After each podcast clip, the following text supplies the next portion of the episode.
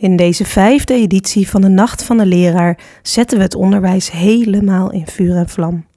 Maar hoe zit het eigenlijk met de vlammende liefdes in het onderwijs?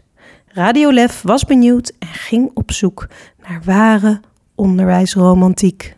Luister in deze liefdesminuutjes naar hoe Karel zijn Shen 50 jaar geleden veroverde op de kweekschool. Dus heel lang geleden, eh, op de, op de kweekschool zeg maar. Tenminste, de, voor de opleiding. En eh, ja, dan zag ik een, eh, met, bij de ontgroening een heel leuk meisje. En uh, ja, Shen was, was eigenlijk een van de, eigenlijk de leukste gewoon. Waar ik dacht, god, dat is een lekker ding. Dat,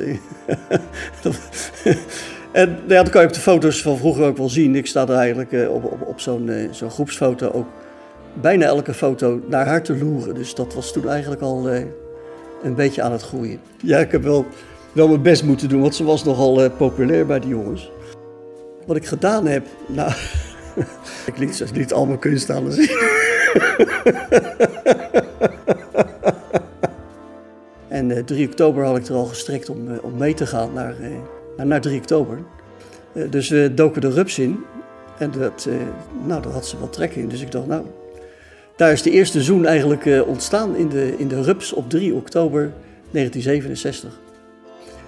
Ze zeggen vlinders in je buik, dat soort dingen. Maar ik weet niet of dat... Het, ja, je vond het geweldig. Je had een leuk grietje bij je in de, in, in de rups. En uh, ja, en dat was leuk. Dat hebben we trouwens ook herhaald in, uh, in uh, een paar jaar geleden met, met mijn kleindochter.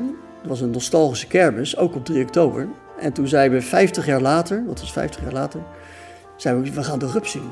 En Elise, want opa en oma hebben de eerste zoen in de rups gegeven. Dan gaan we z'n drie in de rups. En dan geven we elkaar allemaal een zoen in de rups. 50 jaar later. Ik bijna emotioneel worden.